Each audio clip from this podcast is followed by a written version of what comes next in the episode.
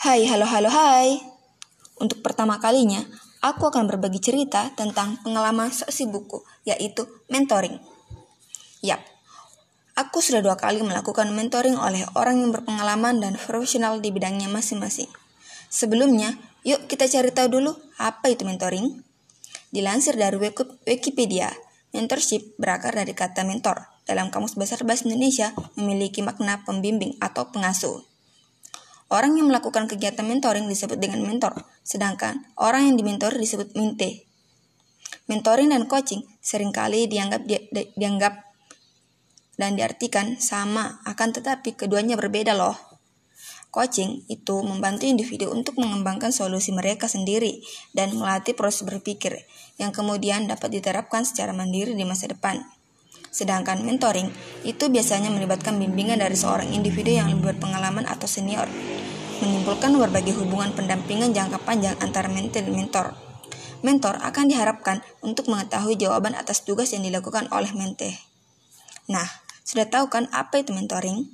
Kalau mau tahu lebih jelas dan lebih lengkap, kalian bisa cari sendiri. Banyak kok tersedia di internet. Nah, next. Aku pertama dimentori oleh Tita Jumario, founder dari Ghana Art Studio. Mari berbagi seni dan seni untuk Indonesia dan yang kedua oleh Nararia Ahmad, seorang profesional coacher dan HR. Aku mulai bercerita tentang mentoring bersama Coach Tita dulu.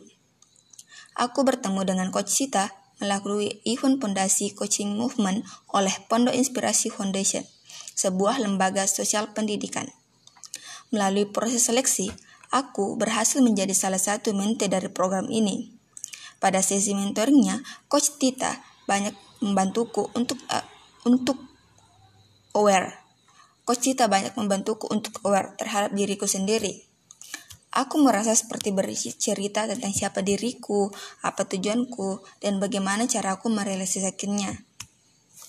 Salah satunya yang aku ceritakan dan ingin aku wujudkan pada waktu itu ialah belajar bahasa Inggris. Aku ingin sekali belajar bisa bahasa Inggris. Sampai detik ini aku masih belajar. Pada waktu itu, aku di aku memberikan diriku challenge atau tantangan yaitu menulis essay. Ini dari skala apa? Dari ratingnya dulu ya. Essay ini akan jadi pada September nanti, tepat pada hari ulang tahunku, yang mana sebagai self reward. Untuk mencapai target ini, Coach Tita membimbingku untuk menerapkan jadwal belajar yang efektif.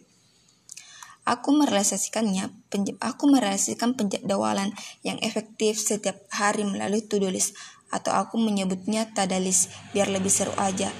Tadalis to-do list dan tadalis ini sama aja sih, tapi to-do list kan sebelumnya dicatat, kemudian dicentang-centang gitu kalau selesai yang dipoin-poinkan. Terus kalau tadalis ini kayak nanti setelah uh, setelah kegiatan selesai baru itu kayak tadalis gitu. Tada gitu loh Aku menemukan konsep ini dari Twitter Studi Kinase, mengubah to-do list menjadi tadalis. Selain itu, kunci untuk dapat mere merealisasikan goals yang kita ingin capai adalah konsisten dan disiplin. Konsisten dengan satu tujuan dan disiplin dalam mengerjakannya. Uh, sebelum melakukan mentoring, aku tidak percaya dengan goals yang aku set. Ya, seperti biasa, hanya berangan-angan dan sebagainya. Namun setelah mentoring ini aku merasa yakin 100% bisa merealisasikannya dengan support dan kemampuanku sendiri. Di sini aku merasa karena merasa yakin karena mendapat support yang besar dari coach Tita dan juga sebuah grup yang berisikan para member pada coacher para awardee eh bukan coacher para eh meminti dari eh, PCM ini Pondasi Coaching Movement yang mana isinya tuh saling support sehingga kita bisa trigger setiap harinya melihat orang-orang yang positif, yang produktif sehingga kita jadi ke trigger gitu terpicu untuk melakukan hal yang sama juga. Tapi bukan berarti FOMO ya. Selain membimbingku, Coach Tita juga bercerita tentang Gana Art dan seni uh, untuk Indonesia yang telah ada di beberapa kota di Indonesia. Salah satunya di Makassar. Aku udah yakin dong untuk gabung di chapter Makassarnya. tapi karena tempatnya cukup jauh dari sana yang mana Makassar Wajo sekitar 6 jaman dan aku stay di Wajo bukan di Makassar jadi e, menurut alon-alon lah untuk menolak ajakan ini sempat menyesalkan sih karena ini adalah opportunity yang baik untuk belajar seni tapi nggak bisa juga memaksakan gitu. Tidak sebegitu juga sih karena aku juga mendapat ajakan yaitu aku diberi free ticket webinar oleh Coach Cita sebagai speakernya. Ya meskipun uh, cuma ikut sebagian cuma pas intro doang pas isinya nggak juga karena bertabrakan dengan event yang lain yang udah aku uh, jadwalin juga pada hari itu. Uh, sampai hmm, ya wah udah udah. Sampai di sini aja cerita dari mentoring oleh kak coach Tita. Selanjutnya mentoring kedua yang pernah aku lakukan yang aku sebutkan tadi yaitu bersama kak Narari Ahmad atau disapa kak Aryo mentoring kali ini lucu sih karena aku dapatnya dari giveaway giveaway di Instagram gitu. Giveaway-nya dari Buka Suara yaitu sebuah platform media konsultasi. Aku berhasil mendapatkan one hour mentoring Buka Suara because probably my reason about mentoring. And actually my reason is covered by hit post Buka Suara sendiri. And I feel that captionnya seperti ini. Why karena kita butuh maps ya peta atau penunjuk jalan yang mana mentor sebagai guide kita dalam mencapai goals yang diinginkan dan pastinya akan memberikan insightful bagi mentee mendapatkan kesempatan dimentor oleh salah satu alumni XL Future Leader Jasmine Mutia, Kenny Hutomo, dan Narari Ahmad akan menjadi persiapan yang baik menjelang tes tahap 2 eh, XL Future Leader Batch 10. Pembahasan mentoring ini adalah How to Online Assessment XL Future Leader. FYI, aku lulus seleksi tahap pertama dan berlanjut tahap 2 yang mana di sini aku dapat mentoring gitu. Tapi sayangnya karena kapasitas diriku yang belum memadai di tahap 2 ini aku belum lolos ya maybe tahun depan coba lagi coba terus aja siapa tahu ada kesempatan gitu Emang sedih ya tapi ya udahlah pindah pembahasan aja. Aduh. Aku juga bertanya banyak tentang how to set career planning. Tapi pada kesempatan ini cuma planning dunia perkuliahan aja. Apa yang akan dilakukan pada tahun pertama, tahun kedua, ketiga, dan hingga lulus nanti.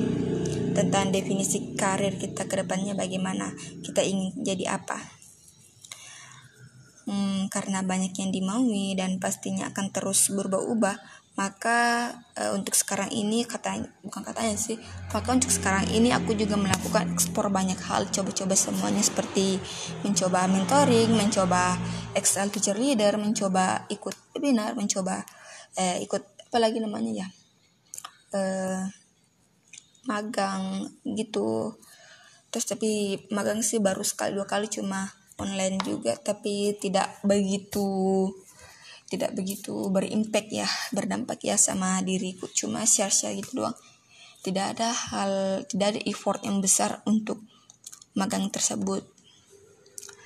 Uh, karena banyak hal kan yang pengen dimaui dan dilakukan untuk karir ke depannya bagaimana? Makanya berubah sering berubah-ubah kan sebelumnya mau jadi ini besok ganti lagi besoknya ganti lagi. Jadi kayak lu sebenarnya mau pengen jadi apa sih? Gitu loh. Ngerti nggak sih? Hah? Uh, apa ya? Kuncinya cuma explore banyak hal perbanyak hal-hal baru. Coba-coba semuanya pelan-pelan pelan-pelan pelan-pelan pelan ya bukan plan uh, pelajari yang dimau nulis aja kayak uh, ambil selembar kertas HVS terus list 100 bidang yang pengen dipelajari list aja walaupun nggak tahu ini apa tapi ya list aja. Nanti ada waktu luang atau uh, satu dua atau dua tahun tiga tahun ke depannya buka lembaran lama kayak wah ternyata aku dulu pengen belajar ini ya tapi belum kesempatan atau wah ternyata aku pernah belajar ini ya. Setelah kayak kayak to-do list tadi kayak uh, kalau udah dilakuin tuh kayak di checklist checklist gitu dibuat per poin-poin gitu lah checklist kayak itu dalam hati tuh kayak wah senang aja gitu. Entahlah apa cuma aku yang kayak gini atau semua orang atau I don't know. Intinya ini adalah yang aku rasain gitu. Uh, uh, apa ya sampai mana tadi ya yang 100 bidang ya 100 hal yang pengen dipelajari. List aja nanti kayak jadi pengalaman yang berharga tuh kayak sebuah kenangan manis. Explore itu bukan cuma ekspor tapi self goals maksudnya hmm, self set gitu konsisten. Juga kayak udah tadi list 100 pengen belajar digital marketing ya konsisten belajar itu. Misalnya e, nargetin tiga bulan belajar digital marketing. Ya belajar digital marketing terus konsisten disiplin tadi terus uh, buat to do list setiap harinya pengen ngapain aja. Ya pelajari semua tentang itu. Kalau kalau perlu sih uh, ikut kursus online pun nggak apa-apa. Banyak kok di Skillshare di Coursera di di di coding atau di di mana pun itu semuanya bisa dipelajari bahkan di YouTube pun ada cuma pintar-pintarnya kita nyari dan uh, filter informasi dan apa ya sumber-sumbernya itu loh uh, kayak nggak apa-apa gitu untuk push diri lebih gila demi masa depan yang cerah. Karyo bilang gini, ilmu itu luas, jangan terperangkap dengan jurusan kamu, jangan takut explore lebih jauh.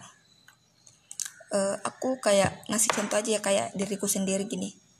Aku sendiri belajar public administrasi, yang mana aku sendiri nggak begitu tertarik tapi karena kewajiban untuk menyelesaikan uh, mata kuliah dan berbagai SKS-nya jadi aku ambil ini sebagai kewajiban sebagai mahasiswa dan di luar itu aku belajar hal-hal baru seperti belajar tentang data, belajar tentang digital marketing tadi. Ya, targetin gitu. Tapi aku sendiri aware dengan diriku sendiri yang mana masih tidak dapat memenuhi target sendiri yang aku buat tapi selalu berusaha tanda kutip ya berusaha untuk itu. Ini kayak bukan kayak share tentang aku ya bukan tentang bagaimana tapi cuma berbagi. Hmm, ilmu itu luas ingat ilmu itu luas. Jangan takut untuk explore lebih jauh ke depannya kita tahu uh, pendigitalis digital digital anjir digitalisasi atau IT lah bidang IT tuh kayak udah wajib banget untuk ditahu. Ya dunia ke depannya itu bagaimana wallahu alam. Tapi jangan lupa belajar ilmu agama. Dunia tanpa agama itu hancur dah and you know aku ya. Uh, dan ingat juga kalau belajar itu Eh, nggak uh, usah FOMO nggak usah kejar-kejaran. Orang-orang startnya beda-beda. Bisa bilang ini tapi nggak bisa nerapin. Waduh ini linul uh, aku baru tahu ini. Dari kemarin uh, baru beberapa hari berapa ya aku nemunya di di postingan feed XL feature leader tapi dibahas juga di mentoring kemarin yaitu untuk tahu diri untuk tahu kapasitas diri itu cari dulu analisis shotnya cari shotnya itu. Kan pernah pasti setiap hmm, ada uh, pengkaderan di kampus dan di mana pun itu pasti selalu ada SWOT analisis SWOT tapi kali ini uh, yang dibahas cuma tiga itu SWO SWO nya ada aja. S itu strength itu kekuatan. Apa kekuatan ada di, di dalam diri kamu? Kekuatan apa? Skill yang sekarang kamu punya? E, bagaimana kamu push terus kekuatan itu? Bagaimana kita tingkatkan? Bagaimana kamu improve untuk menjadi satu kelebihan kekuatan itu yang yang beda lah dari orang lain? Ngerti nggak sih kemudian witness itu kelemahan. Apa yang menjadi kelemahan? Kelemahan yang kamu tutupi dengan strength itu. Kelemahan yang bisa ditingkatkan dengan opportunity itu kesempatan. Kesempatan di mana aja bisa belajar mana aja bisa improve. Seperti tadi beberapa website yang aku sebutkan untuk belajar. Pakai itu aja dulu. Apa? Uh, self awareness dulu gitu. Cari tahu kekuatan kelemahan dan kesempatan kesempatannya apa yang dimau dan bagaimananya nanti ya. Search aja menurutku sih untuk mencari uh, apa yang belajarnya uh, lihat aja follow aja orang-orang yang produktif orang-orang yang berdampak positif lah untuk diri kita. Ya ada sih konsepnya follow follow and follow follow and following uh, pembahasannya di lain waktu saja terus uh, untuk mencapai tujuan yang kita mau dalam mentoring ini aku diberi sebuah tips yaitu harus memiliki struktur berpikir yang baik dan benar memiliki cara pikir yang sistematis, bisa berkomunikasi yang baik, dan memiliki keterampilan dalam manajemen dan leadership. Manajemen pastinya kita tahu manajemen diri, manajemen waktu, manajemen dan banyak manajemen lainnya. Uh, untuk ini aku bahas uh, leadershipnya dulu. Gini-gini, Aku sering menanyakan hal ini, apakah seseorang da dikatakan memiliki leadership yang baik apabila menjadi pemimpin organisasi atau komunitas, yaitu memiliki title ketua? Sudah banyak orang yang aku tanya, tapi pandangan dan perspektif orang-orang beda-beda, jadi ya aku menerimanya dan aku meng menganggap bahwa uh, setiap orang itu harus memiliki leadership, tapi tidak selamanya menjadi leader memiliki title itu. Yang penting dia memiliki jiwa-jiwa leadership. Dia memiliki visi misi dalam dunia hidupnya dia memiliki strategi. Eh, bukan kata dia sih eh, memiliki eh, strategi visi misi dan tahu bagaimana actionnya. Kayak leadership itu tentang seseorang yang memiliki visi misi memiliki strategi yang jelas dan tahu mau mau dibawa ke mana itu dan dapat action. Ngerti gak sih ngerti-ngerti aja uh, yang penting itu pahami bahwa uh, semua orang itu bisa jadi pemimpin dan kita adalah seorang pemimpin di masa depan, pemimpin dalam diri kita sendiri, pemimpin dalam keluarga, pemimpin dalam circle kita, dalam komunitas dan apa pun itu intinya kita adalah seorang pemimpin. Quotes terakhir dari mentor yang bersama Kak Arjo itu e, ternyata banyak hal yang sebenarnya kita sepelekan. Yang mana diperlukan self awareness agar tahu di bahwa ini tuh lebih dari penting. E, ini bisa lihat di Instagram aku. Wah panjang banget ya. Wow 17 menitan padahal aku nggak expect sepanjang ini. E, sebagai conclusion mentoring sebagai conclusion mentoring sebagai conclusion mentoring penting dan sangat penting bagi mentoring itu penting dan sangat penting memiliki mentor. Ah belibet dah ulang-ulang. Ini no edit no cut cut sebagai conclusion mentoring itu penting dan sangat penting memiliki mentor. Yang mana mentor sebagai guide kita dalam perjalanan mencapai goals yang diinginkan. Wow mind blowing banget. Ingat kata sabda deh. Setiap mulai sesuatu pasti ada mind blowingnya. Yep dan benar sesuatu yang baru kita temukan itu kayak wow wah memblowing banget. Entah hanya diriku atau beberapa orang seperti itu tapi aku merasakan hal tersebut. Huh. Wow. Suatu pengalaman yang berharga dan setelah ku bagikan, ku ucapkan, ku bicarakan, ku ceritakan sepanjang 20 menitan ini ah, sudah tidak menjadi beban dalam kepala aku dan ini tuh kak proses belajar yang sangat menarik bagiku. Oke, di luar dari mentoring ini, aku merasakan hal-hal seperti ini. Pertama, aku search dulu gitu di mana cari info, di mana dapat dapat dapat maaf dapat info tentang ini terus follow and following terus nanti aku bahas itu terus uh, ikut me, ikut ikut materinya uh, bagaimana tertib dalam administrasinya terus uh, ikut kegiatannya memberikan feedback dengan uh, mengomentari atau merepost atau membagikan tentang acaranya tentang kegiatannya terus uh, aku merasakan lagi proses belajar yaitu e, mentransfer yang aku dapatkan da melalui tulisan kemudian menjelaskannya melalui voice. Kayak aku meng mengalami proses belajar yang sangat panjang dan aku menikmatinya. Ah semoga bermanfaat dan bermakna yang aku sebutkan. Terus aku belajar bicara juga ini kayak tet tet, tet ngerti gak sih? Siapa coba yang ngerti sendiri juga bicaranya? Wow. Intinya eh, sepanjang pembicaraanku kali ini semoga bermanfaat dan semoga yang mendengar tidak sakit telinganya. Wow terima kasih banyak dan bye bye